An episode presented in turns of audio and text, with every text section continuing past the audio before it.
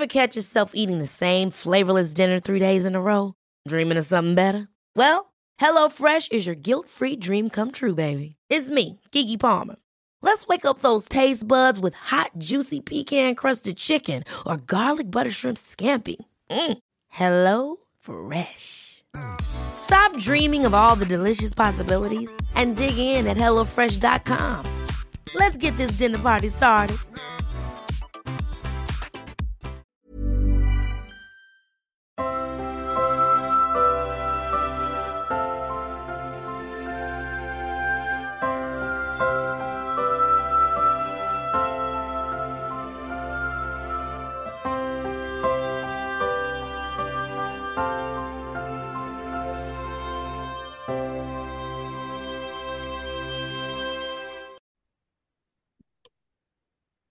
Hej och eh, varmt välkommen till podden En stund på jorden.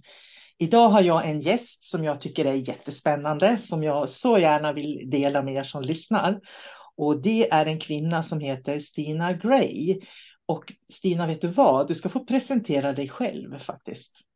Ja, men tack för inbjudan. Så jätteroligt att vara här. Ja, jag heter Stina och eh, jag har mina rötter både här i Sverige och i Nya Zeeland där jag växte upp. Och jag är en berättare, författare och etnolog. Och jag brinner verkligen för det muntliga berättandet. Det är det jag jobbar mycket med på olika sätt. Jag berättar sagor och myter på svenska och engelska och för barn och för vuxna genom föreställningar och kurser, workshops, sagovandringar och jag lär också ut eh, konsten att berätta. Mm. Och det var ju så vi lärde känna varandra egentligen. Ja, precis. Ja. Jag går ju just nu en kurs för dig i muntligt berättande. Ja. som jag tycker är så spännande komplement till ja, konsten att förmedla någonting eh, faktiskt till mm. andra människor. Mm. Eh, du har bott på Nya Zeeland när du var liten. Du kom tillbaka till Sverige när du var 16, visst är det så? Ja, precis. Jag var fyra år gammal när mamma och jag flyttade till Nya Zeeland. Eh, så ja, största delen av min barndom växte jag upp där. Mm. Eh, vi var i Sverige ibland och hälsade på. Så. Men ja, jag har vuxit upp mest med engelska som huvudspråk växte upp där, eh, först i en liten stad vid havet som heter Mount Maunganui eh, och sen eh, bodde vi lite mer ut på landet eh, på en ekologisk avokadoodling i ett område som heter Bay of Plenty, alltså väldigt ehm, väldigt vacker och frodig eh, område kan man säga, där det växer mycket eh, fruktodlingar och, och allting växer väldigt bra. Eh, det finns skogar och berg och nära till havet, en väldigt vacker plats eh, som alltid kommer vara mig nära hjärtat. Eh, och nu, nu bor jag i Sverige. Jag har bott här i, eh, ja det är väl 15 år nu. Jag har varit tillbaka i Sverige. Jag föddes i Stockholm. Där har jag en del av min familj. Eh, och jag har eh, bott i en del olika delar av Sverige. Eh, I Stockholm och i Järna strax söder om Stockholm. Eh, men också lite i Dalarna, i Småland. Ehm, lite i Umeå också, där jag pluggade eh, ett halvår eller vad det var på universitetet där. Och nu bor jag i Karlskoga i Värmland. Mm. Jättespännande. Min mamma är faktiskt begravd från det ena till det andra i Karlskoga i Värmland. Okay. Ah. När jag åker dit i vår sen när vi ska ha den där träffen, då ja. ska jag passa på att besöka mammas grav faktiskt. Okej. Okay. Så, så kan det vara. Mm. Ah. Det ena knyter ihop det andra. Ja, precis. Ja. ja. Jag tycker det är spännande här. Ska du berätta, vad, vad är muntligt berättande egentligen? Storytelling som det också kallas? Ja, det muntliga berättandet. Det är just det, alltså konsten och traditionen att, att berätta eh, historier muntligt. Eh, alltså innan vi hade böcker, innan vi eh, dokumenterade berättelser i, i någon typ av skriftspråk så har vi berättat muntligt. Ehm, och det muntliga berättandet är en social konst. Eh, här behövs någon som berättar och någon som lyssnar. Så det, det är en relation eh, mellan den som berättar, den som lyssnar och också mellan, tänker jag, eh, berättaren och själva berättelsen. Eh, det muntliga berättandet är ju så mycket det här med min personliga relation till det jag berättar. Ehm, det bästa berättandet kommer från när vi verkligen berättar från hjärtat och från mina personliga inre bilder som vi har pratat mycket om på, på kursen. Ehm, men ja, det är en relation. Mm. Det är en relation och ehm, berättelserna är inte skrivna i sten. Det muntliga berättandet handlar om att berätta just i den här stunden. Hur vill den här berättelsen komma fram just här och nu i det här mötet eh, med dig och, och, i den här stunden, den här årstiden, liksom precis eh, i det här ögonblicket. Eh, och vissa berättelser som kommer från den muntliga traditionen kan ha så, så gamla rötter. Vissa berättelser kan vara flera tusentals år gamla. De kan ha rest över hela världen och delats från generation till generation, från berättare till berättare, berättats på många, många olika sätt, många, många olika språk. Och när man kommer till sådana gamla berättelser så föreställer jag mig som att bakom den här berättelsen så står en lång, lång rad av berättare och det tar aldrig slut. Och det tycker jag är väldigt fascinerande eh, när man verkligen möter de här muntliga berättelserna eh, med det perspektivet. Att den här berättelsen finns här. Jag kan ta del av den idag tack vare alla dessa berättare som jag vet inte vad de kanske har hetat, jag vet inte vilka liv de har levt, men genom dem så finns dessa berättelser kvar idag genom att de har berättat dem, tagit hand om dem, fyllt dem med deras unika närvaro och allt det som de har gett till berättelsen. Alla har liksom kryddat den på lite olika sätt, tänker jag. Eh, och det är det som är så rikt. Det är det som är så rikt med de här muntliga berättelserna. Att de har fyllts med så mycket mänsklig värme och visdom och kärlek och liksom erfarenhet av livet. Ja, för det, det är det jag, jag, upplever med de här muntliga berättelserna, mm. att det, det, finns en sorts visdom i dem, det finns lärande, man får insikter av dem. Mm. Eh, och när jag började kursen då i muntligt berättande så då upptäckte jag, ja men jag gör det här redan på mina kurser som jag har. Ja. Det jag liksom, om någon ställer en fråga, eh, Sol-Carina, hur fungerar det här? Ja, men då, då kan jag ta en liknelse av en händelse som jag själv har varit med om. Och, och så bygga upp den bilden och berätta om det och då istället för att säga så här är det eller så där är det. Utan att man får berättelsen så man också får lägga sin egen tolkning mm. i eh, berättelsen. Eh, ja, så att det finns ja. det där lärandet och visdomen uppfattar jag också. Är det inte så lite grann? Absolut. Det finns så mycket visdom att hämta i berättelserna. Och vi är alla berättare. Alltså att berätta är ju någonting så djupt mänskligt. Och när man verkligen börjar öppna sina ögon för det här med berättandet så kommer man att upptäcka att berättelser finns överallt. Och vi har så mycket berättelser inom oss i våra namn och genom alla platser vi har bott på, genom familjen, i kroppen också. Tänk alla berättelser som bor i mina händer, mm. genom allting de har liksom känt på och upplevt och så vidare. Mm. Alltså, berättelser finns överallt och de har så mycket att ge. Mm. Och då tänker jag också det här att för att få höra berättelser så behöver vi också kunna lyssna, är det inte så? Ja, precis så. Det, det handlar så mycket om lyssnande. Ja, ja absolut. Um, det handlar lika mycket om berättande som lyssnande skulle jag säga. Um, när man verkligen lyssnar eh, på riktigt, att lyssna med, med öppenhet och nyfikenhet, med respekt, mm. med alla sina sinnen, då kan det verkligen komma fram mm. riktigt, riktigt bra berättande. ja, ja. Då tänker jag också på det du skrev i din bok, det här med att historierna hittar dig. Ja. Liksom, jag tycker det, för du har ju skrivit en fantastisk bok som jag ska, det hittar de på din hemsida, den boken. Jag kan verkligen rekommendera den. Um, och, och, det är just det här att i mötet när någon lyssnar och någon berättar så växer och förändras berättelsen. Mm. Uh, jag tänker, ingen vill ju kanske berätta om ingen lyssnar.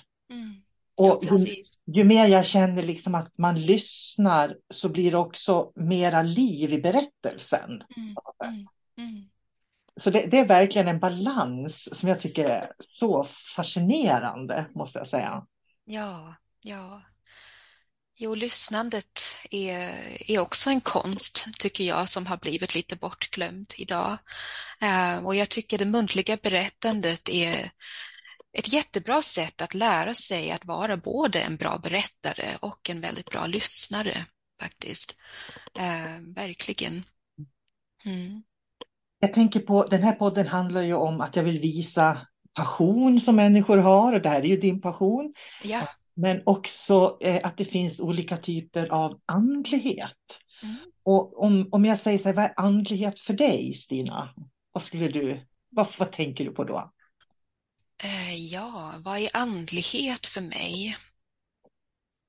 Ja, alltså jag har nog, jag skulle nog säga att jag har alltid varit en väldigt andlig och sökande person ända sedan jag var barn. Eh, det skulle jag absolut säga.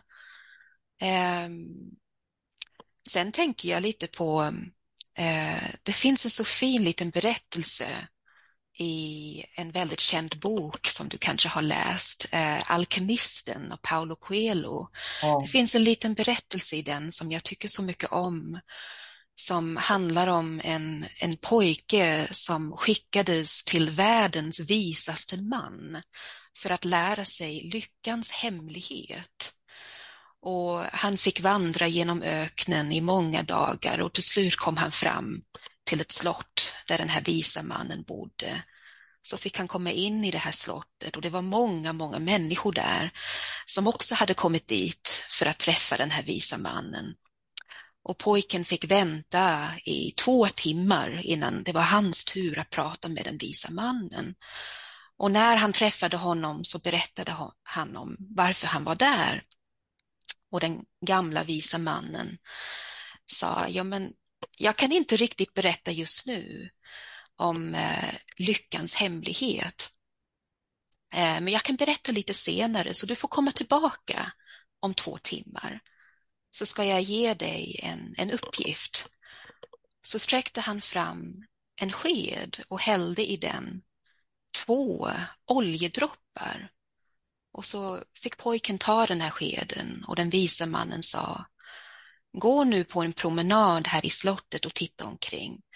Kom tillbaka om två timmar och ha hela tiden koll på den här skeden så att oljedropparna inte spiller ut. Och så gick pojken iväg och han gick runt i slottet och tittade hela tiden på skeden och kollade att de här oljedropparna inte spillde ut.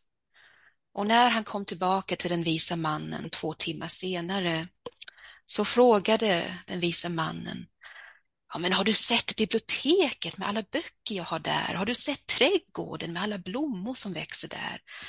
Nej, nej, sa pojken, jag, jag såg ingenting för jag tittade hela tiden på den här skeden och kollade att oljedropparna inte kom ut. Ja, men då får du ta en ny promenad, sa den vise mannen, och nu får du verkligen titta på allting. Titta och njuta av allting. Det finns så mycket att se här i slottet. Men kom ihåg de två oljedropparna i skeden, att de inte spiller ut. Så fick han gå iväg, pojken igen. Han vandrade runt där i slottet. Och den här gången så tittade han verkligen på allting. Det fanns så mycket att se. Och så två timmar senare gick han tillbaka till den visa mannen. Och nu berättade han om allt som han hade sett, alla vackra tavlor och alla böcker i biblioteket och trädgården med alla fruktträd och blommor och han berättade och berättade. Och den vise mannen var väldigt glad att han hade sett allting. Men så frågade han, hur gick det med oljedropparna? Var är de? Och så tittade pojken i skeden och oljedropparna var inte där. Han hade helt glömt bort att ha koll på skeden för han var så uppfylld av allting som han såg i slottet. Och den vise mannen sa till honom, det är lyckans hemlighet, att kunna njuta av all världens under utan att glömma bort de två oljedropparna i skeden. Och ja, jag tycker den där berättelsen, det, det, är verkligen andlighet för mig. Konsten att kunna vara i världen, njuta av allt det goda, allt det vackra, men hela tiden ha koll på den där skeden. Försöka i alla fall. Ibland kanske man tappar bort de där oljedropparna så får man hitta dem igen. Liksom. Men för mig är det verkligen eh, den där skeden med oljedropparna är för mig kontakten med det gudomliga, vad man nu vill kalla det för någonting, andligheten, det som verkligen fyller mig och ger meningen med livet. Um, och samtidigt kan man inte bara titta på skeden, utan det är också att, att vara av den här världen, njuta av den, allt det fina som finns. Um, det är verkligen andlighet för mig skulle jag säga. Vad fint, tack Stina. Nu fick vi ju en liten muntlig berättelse samtidigt. ja. ja, har du läst den där? Jag har läst den, men det är ja. så länge sedan så ja. jag kände att jag behöva läsa den igen. Eh, jag kommer ihåg vissa saker, det är ju så att vissa saker stannar kvar. Mm. Det kommer jag inte ihåg, men jag har andra saker som jag kommer ihåg från. Ja, den är fin den där boken. Ja. Mm. Eh, ska vi bli lite allvarligare om det nu är så, men du berättar för mig att du har lidit av psykisk ohälsa mm. Eh, och att du gärna pratar om det och jag tycker det är väldigt fint därför att det är väldigt många idag som mm som lider av psykisk ohälsa. Det finns överallt, i alla familjer, i alla konstellationer, överallt. Mm. Vill du berätta någonting om det? Och jag tänker, är det att hur det muntliga berättandet också kanske hjälpte dig i din psykiska ohälsa, eller? Du får, uh, ja. vad du vill dela utav just det. Ja, jag håller med. Det är otroligt viktigt att prata om. Det, det är många som, som har sådana upplevelser och kämpar verkligen. Ehm, så det, det, pratar jag gärna om. Ehm, alltså jag gick igenom en väldigt svår depression i, tonåren. Ehm, under några år så, så kämpade jag verkligen med att leva och vara kvar på den här jorden.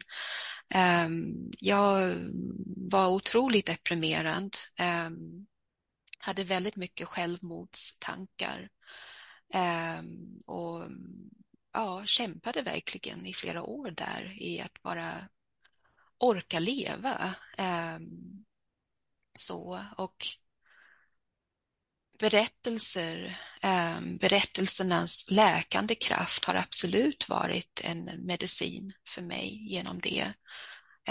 En av flera viktiga saker skulle jag säga. Det här hände när jag fortfarande bodde i Nya Zeeland. Ehm, det var som allra värst när jag kanske var runt 14-15 år gammal. Ehm, och ehm, jag hade turen att ha en otroligt klok mamma som gjorde allt för att jag skulle överleva. hon tog kontakt med, med flera duktiga naturläkare, helare, som absolut hjälpte mig. Alltså, jag, tror, jag, jag, tror inte jag skulle finnas här idag om det inte var för så kallad alternativ medicin. Mm. Um, så. En av dem som kanske hjälpte mig allra mest um, var en maori schaman som hette Rongo. Han lever inte längre idag.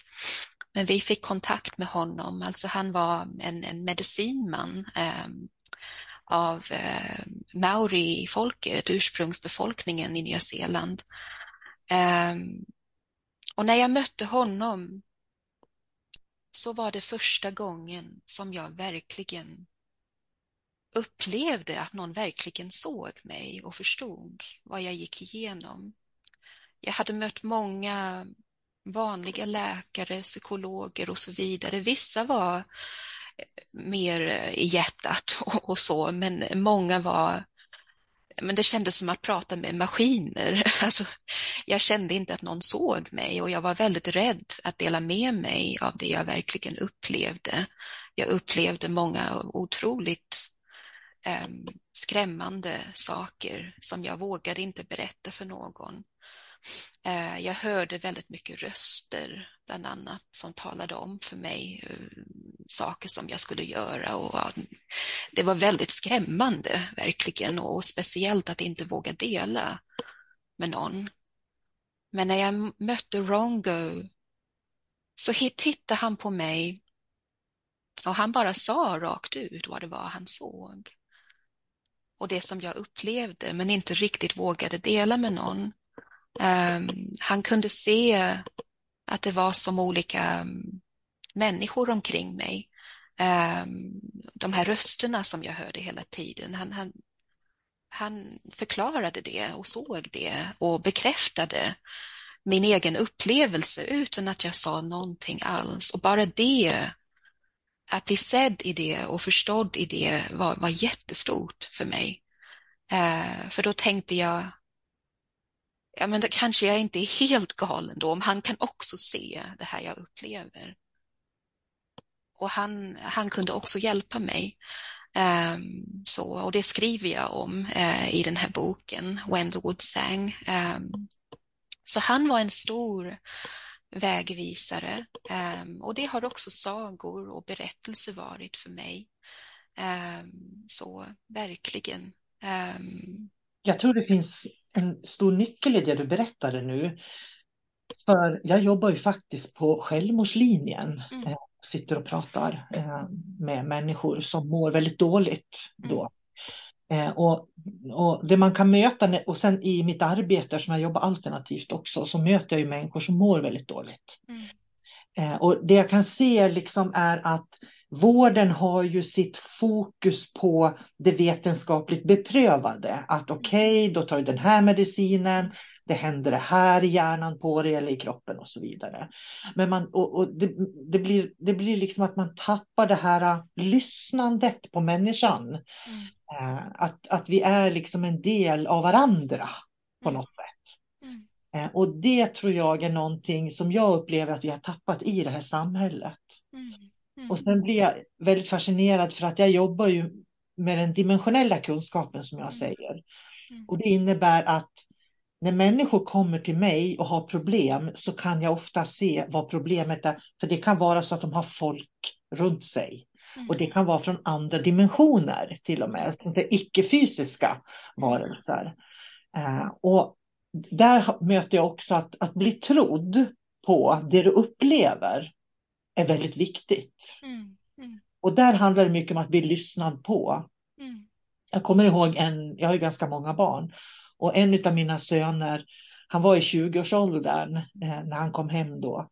Jag har jättevuxna barn som är över 40 år också. så, så, jättegamla. Men han kom hem och, och, så satte han sig vid köksbordet och så ja, pratade han med mig. Och, och allt han sa, då försökte jag peppa honom. Ja, men gör så här eller peppa och så där. Till slut så sa han till mig, mamma sa han, kan du inte bara vara tyst och lyssna? Sa han till mig. och då var det som, det var som att du vet, poletten ramlade ner.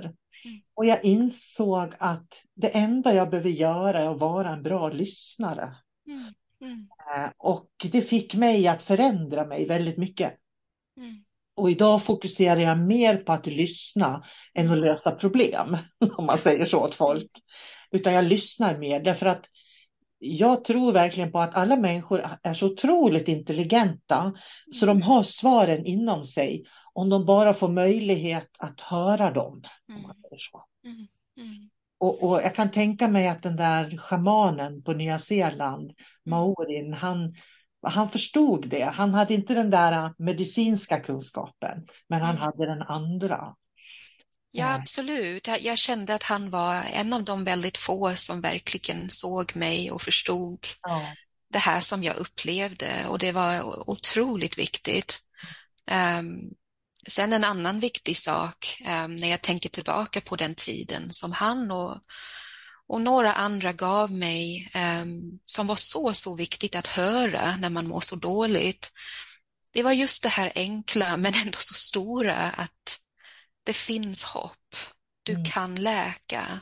Mm. Um, någonting som är så viktigt men som jag faktiskt inte hörde nä nästan någonsin inom den vanliga vården. Ehm, där fick jag um, oftast mer känslan av att det är någonting väldigt, väldigt fel med dig och en massa diagnoser och så vidare och de här medicinen och, och liksom en känsla av att ja, kanske kan du, kan du leva ett uh, ja, någorlunda normalt liv igen, men liksom inte det här du kan läka, du kan Mm. hela på riktigt. Det kan bli bra igen, det finns hopp.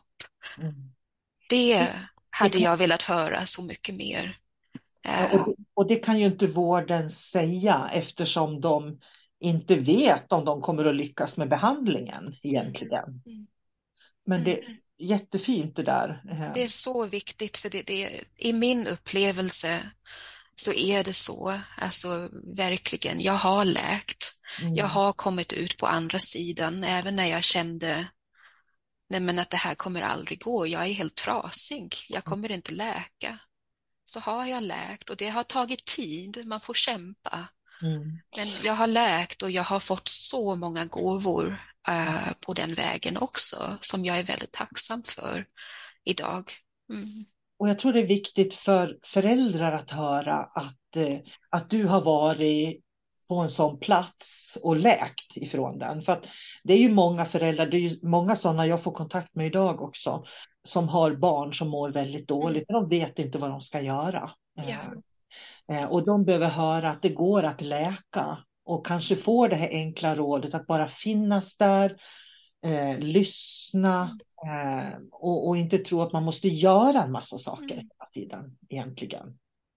Precis, alltså det kan vara så, ja men verkligen, ibland är de enklaste sakerna så otroligt viktiga. Att gå ut och luta sig mot ett träd. Att bara se den människan som den, den som de verkligen är innerst inne. För när man är så, så deprimerad och så, så psykiskt sjuk ehm, så har man på något sätt tappat bort kontakten med livet och med sig själv. Och man är liksom helt vilsen i en dimma på ett sätt. Ehm, och då kan män, människor som verkligen känner en och älskar en vara ljuset som ser, som ser mig för den jag är, även när jag inte kan se det själv. Att se och komma ihåg den som de verkligen är innerst inne. Det är så, så kraftfullt. Så Och- viktigt. Och det är därför man inte behöver peppa som förälder. Du behöver inte liksom att de ska rycka upp sig eller peppa eller så, utan bara som du säger finnas där eh, hela tiden. Mm. Eh, jag tänker, eh, om du ser på ditt liv idag nu, Mm. när du är läkt, Ja. eh, vad är viktigt för dig idag skulle du säga? Om du tittar på hur en dag ser ut för dig, vad är viktigt för dig då? Åh, ehm, idag, min kontakt med naturen är jätteviktig och det har det alltid varit. Det har också varit en stor ehm, medicin och kraftkälla. Ehm, att gå ut till mina platser som är för mig som mina vänner. Min skog och mina träd, gå till sjön här där jag bor. Ehm, vara i kontakt med, med livet och med årstiderna njuta av allt det vackra, allt det goda som finns i det lilla och det enkla. Ehm, Jag tycker att det blir mer och mer så för mig att naturens magi och, och kraft kan finnas i det här riktigt, riktigt enkla. Det som är precis utanför dörren. Um, och, och, det är viktigt för mig att vara i kontakt med, att se. Um, det är jätteviktigt för mig att leva från hjärtat, att liksom leva genuint och sant. Ehm, jag har en stor eld inom mig som brinner för väldigt mycket saker. Eh, ja, och det muntliga berättandet, berättandet är verkligen en av de stora sakerna som jag brinner för. Eh, så att ha den här levande elden och passionen, eh, lusten till livet, att ha den så levande, det är jätteviktigt för mig på min väg. Mm. Skulle du säga att det kanske är det människor ska söka hos sig själva då? Va, vad har de sin egen eld? Med mm. kraften, passionen. Mm. Eh, det där som man kan göra varje dag och bara känna sig glad. Mm. Liksom, när man gör det. Kan det ja, vara visst. det tänker jag. Vad är min eld och vad, vad får den näring av? Mm. Um, vad brinner den för? Um, och vad är min, liksom, min gåva? Jag tänker mm. att vi alla människor och alla varelser på denna jord har liksom någonting värdefullt att dela med sig av. Vi har alla en sång att sjunga och att sjunga den, det är ju liksom verkligen meningen med livet, tänker jag. Minns du skiftet där från det du inte mådde så bra då tills du började hitta den här elden? Minns du det skiftet? Vad som hände i det skiftet? Uh, ja. Var det så att du hittade det muntliga berättandet då? Eller kom um... det senare i ditt liv? Eller fanns det redan där? Jo, men jag minns att jag, liksom när det började bli lite, lite bättre så började jag söka till olika saker. Bland annat så lånade jag en hel del böcker från min mammas bokhylla och hon är en väldigt klok kvinna som hade mycket där att hämta. Bland annat började jag läsa eh, böcker av Eckart Tolle mm. eh, som betydde jättemycket för mig, som började få mig att förstå eh, att nej men, jag behöver inte tro allting som jag tänker på, att liksom hitta lugnet innerst inne, eh, närvaro. Ehm, och sen hittade jag också en bok som, ehm, som har varit otroligt viktig för mig och det är den fortfarande. Ehm, Kvinnor som slår följe med vargarna av storyteller Clarissa Pinkola Estes.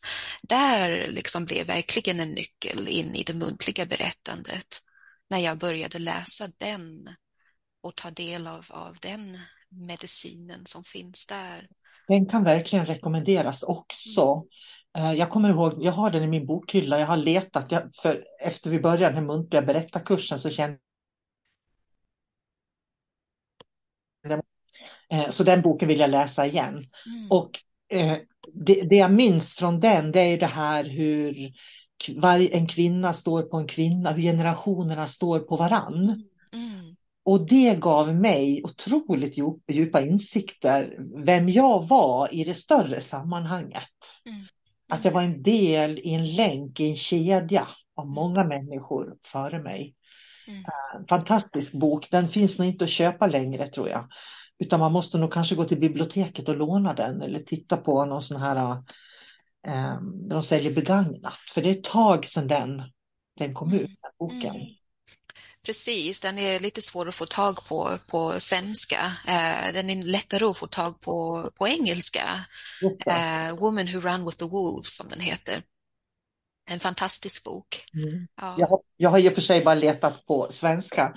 Jag tänker på Eckart Tolle, är också väldigt intressant. Jag lyssnar mycket på honom själv. Ja. Han tycker jag också är en spännande berättare, om man får säga så. Ja, verkligen. Han är väldigt rolig, tycker jag. Ja, jag har faktiskt sett han live. Vet, har du sett han live någon gång? Det har jag, en gång. Ja. Jag har också sett han live och han är ju han är ju verkligen fascinerande. ja. Men jag tycker så mycket om i hans berättande, det är för att jag tycker att han berättar också på ett sätt så att man, man är med i berättelsen Och du, du, kan verkligen, du får liksom själva den röda tråden mm. samtidigt som det finns så utrymme för dina egna erfarenheter i mm. den berättelsen. Och mm. det, där tycker jag han är så otroligt unik. Det där, jag tror det är därför det går att lyssna på honom om och om igen. Jag ja, lyssnar ja. mycket på ljudböcker till exempel. Mm. Ja, men jag älskar honom. Jag, jag lyssnar mycket på honom. Eh, det är absolut eh, viktigt för mig. Eh, men ja, det, det var verkligen en, viktigt där också. När jag började liksom må, må lite bättre så hjälpte det mycket att, att läsa eh, hans eh, bok eh, The Power of Now som den heter på engelska. Han har ju flera böcker eh, också och ja, att lyssna på honom. Ehm. Um... Have catch yourself eating the same flavorless dinner three days in a row? Dreaming of something better? Well, Hello Fresh is your guilt-free dream come true, baby. It's me, Gigi Palmer. Let's wake up those taste buds with hot, juicy pecan crusted chicken or garlic butter shrimp scampi. Mm. Hello Fresh. Stop dreaming of all the delicious possibilities and dig in at HelloFresh.com. Let's get this dinner party started. Quality sleep is essential. That's why the Sleep Number Smart Bed is designed for your ever evolving sleep needs. Need a bed that's firmer or softer on either side? Helps you sleep at a comfortable temperature? Sleep Number Smart Beds let you individualize your comfort so you sleep better together. JD Power ranks Sleep Number number 1 in customer satisfaction with mattresses purchased in-store. And now, save 50% on the Sleep Number limited edition Smart Bed for a limited time. For JD Power 2023 award information, visit jdpower.com/awards. Only at a Sleep Number store or sleepnumber.com. Jätte, ja men jättestort när man lever annars i en Mm. ett mentalt helvete. att han, hans tankar hjälpte mig att, att få eh, perspektiv på, på mina tankar och lugn inombords. Um, så. Jag, jag tänker så här att eh, en människa som mår psykiskt väldigt dåligt behöver ju tålamod och tid och kärlek och värme och sådär. Mm. Eh, och, för jag tror att och det var därför jag tyckte så mycket om din bok också, när historierna hittar dig. Mm. Eh, om Eckart Tolles böcker hittade dig, eller mm. ja, du vet så. Mm. Eh, och det är därför jag, som jag tror att med tålamod och tid för läkande, att få bara vara, och som du liksom sa också, hade din mamma runt dig och sådär. Mm. Då kommer historien, du kommer att hitta någonting som blir din passion så småningom. Mm. Eh, men att också ha det här tålamodet, det kanske tar fem år, sex år, sju år, tio mm. år. Men jag tror att eh, historia, liksom vägen hittar en människa. Om man bara får möjlighet eh, att ha det här, det här, den här omsorgen eh, mm. runt sig, tror jag. Många har ju, vi lever ju i ett ganska isolerat samhälle idag som gör att men, många människor är väldigt isolerade i sin mm. ohälsa också. Mm. Mm. Ja, precis. Ja, nej, men det var absolut inte så där helt självklart att hålla på med berättande så där, men eh, jag hittade till det på en väldigt krokig väg eh, och, och, det skulle jag säga många eh, som jobbar eh, som jag gör professionellt med, med det muntliga berättandet, alla har nog skulle jag säga hittat till det på lite krokiga stigar eh, och på olika sätt. Och det är också att vi, vi är ju väldigt olika berättare, alla är ju det, alla har vi det på, på vårt speciella sätt. Um, för mig har det verkligen formats av den här resan jag gjorde uh, med depression. Um, att hitta till uh, berättelsernas läkande kraft, det, det är ju verkligen någonting som har format min väg som berättare och också det här med naturen, eh, att se alla berättelser som finns runt omkring oss i landskapet, i skogen och precis överallt. Det har också varit en, en stor del av min väg och det, det, skriver jag en del om i den här boken, uh, When the Wood Sang. Mm. Och jag, jag skulle vilja slå ett slag för det där berättandet också, för när jag växte upp så brukar min pappa ta oss barn och så satte han sig i mitten på mammas och pappas dubbelsäng och så barnen runt omkring. Och sen berättade han en saga. Ofta var det Pomperipossa och massa sådana ja, allt möjligt sen fick vi vara med i sagorna, alltså vi var en del av sagan. Ja, vad fint. Och när, vi, när vi kom till det här pepparkakshuset så kunde vi, fick vi vara med, smakade gott liksom sådär. Så vi var med och smakade på det pepparkakshuset. Eh, och sen när han hade, inte visste riktigt vad han skulle, hur han skulle fortsätta en, en berättelse.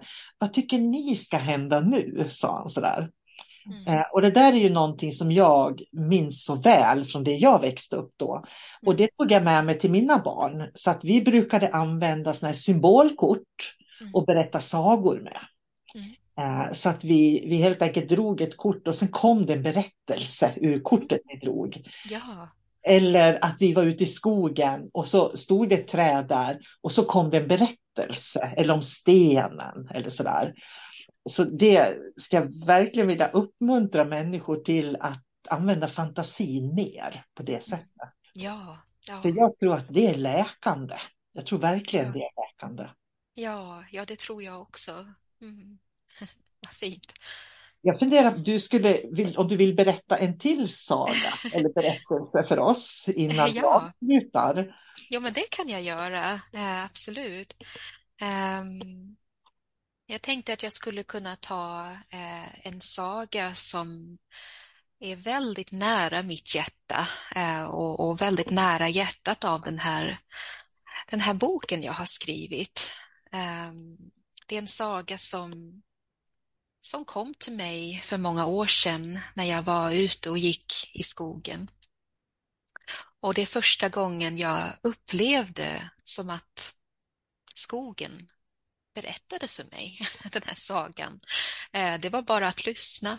Eh, och sen har den här sagan följt med mig i livet. Eh, så, och precis som alla mina sagor så har den förändrats under åren genom alla som jag har delat den med, genom många som jag har mött, genom mina studier som etnolog också, där jag har fått vara mycket i folkminnesarkiven eh, och samla berättelser om skogsrået, bland annat. Så det här är en saga jag kallar för Sagan om skogskvinnorna. En gång, för länge sedan, var jag ute och gick i skogen en solig vinterdag och skogen låg täckt under en vit mantel av snö och där fanns många spår av djur att se. Men också spår av människofötter som om någon hade gått alldeles barfota där i snön. Jag följde efter spåren och de ledde mig djupt in i skogen där träden växte allt tätare ihop. De ledde mig till en liten hydda täckt av snö och där kunde jag höra en kvinnoröst som sjöng.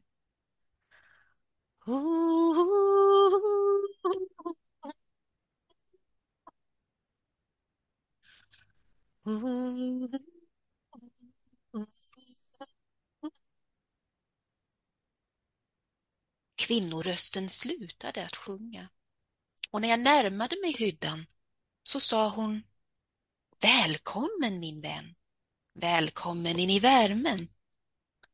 Nyfiken så böjde jag mig ner och kröp in genom den trånga ingången in i hyddan. Och där inne fanns en eld och det var så varmt och skönt. Och på andra sidan elden satt en kvinna och hon var inte lik någon annan kvinna jag sett tidigare. Hennes långa trassliga hår var fyllt av spindelnät och fågelägg och små krypande ting.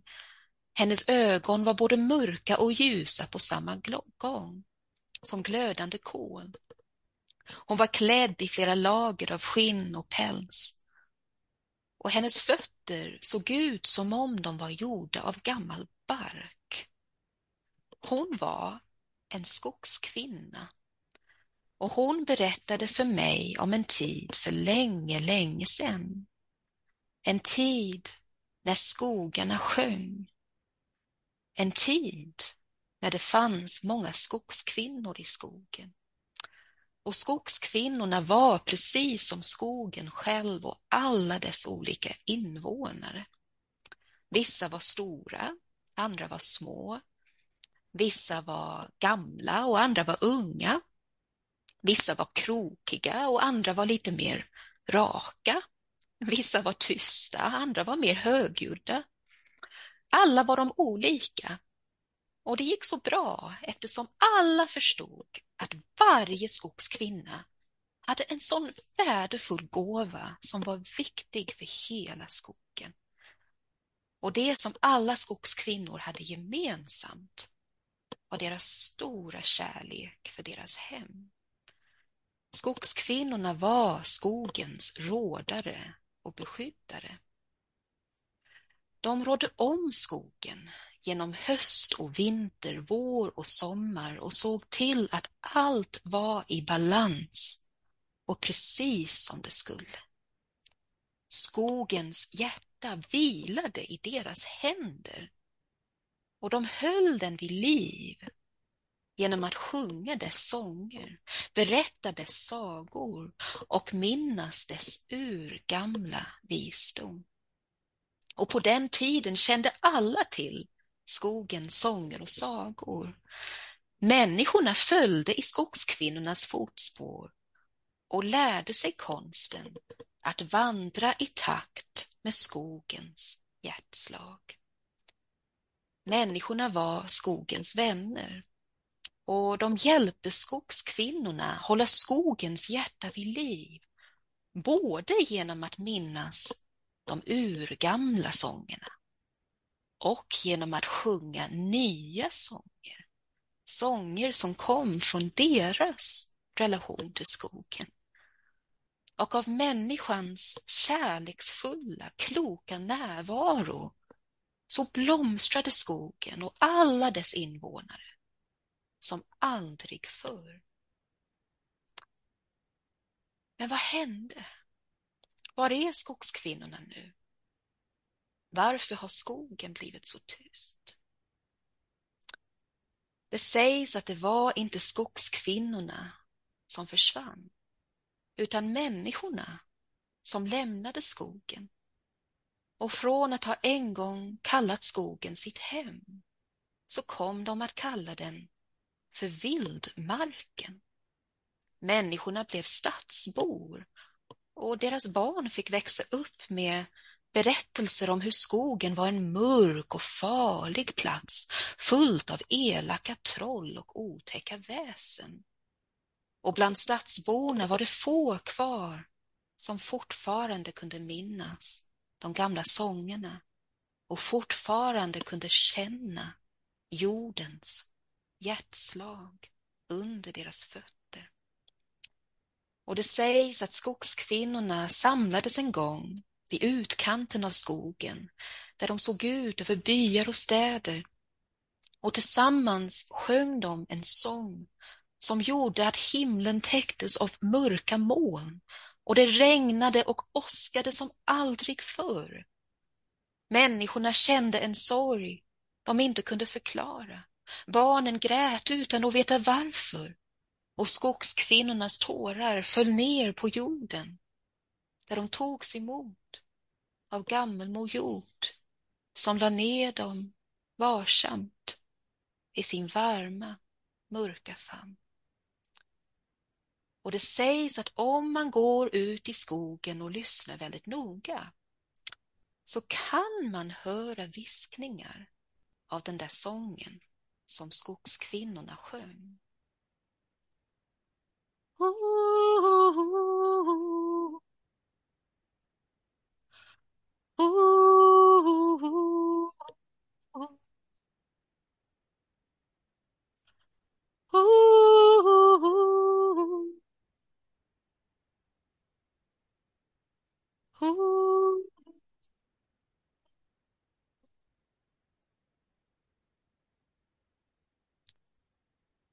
Nu hörs skogskvinnornas sång. Allt starkare, allt klarare. Kanske ni har hört den. Kanske du har känt den. Har du känt sången, hört sången som kallar på oss att minnas? Har du känt sången som frågar oss att minnas när skogarna och älvarna, ängarna, bergen och havet och alla platser sjöng och föreställa oss hur det skulle kunna se ut om vi hjälpte dessa sånger komma till liv igen, ännu starkare, ännu klarare och ännu vackrare än någonsin förr.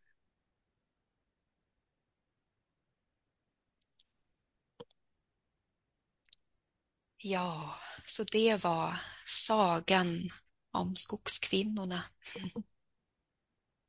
Tack Stina Gray, det var en fantastisk berättelse som stannar inombords verkligen.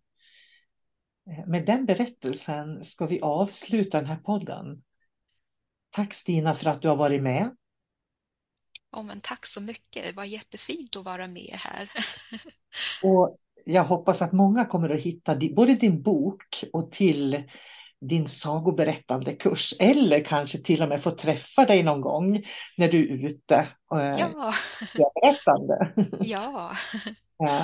För du har en kalender på din hemsida så att det går att se var du befinner dig någonstans. Ja visst, på min hemsida kan man se vad jag håller på med, kurser och föreställningar jag gör runt om i Sverige, ibland också online så man kan vara med på Zoom och sådär. Ja. Sen kanske du kommer till Umeå någon gång, det vet man ju aldrig, eller hur? Ja, jo men det gör jag ibland, ja. Eh, så då säger jag tack så mycket till Stina och tack till dig som har lyssnat. Och önskar er som lyssnar och Stina en fantastisk fortsatt fin dag. Hej då!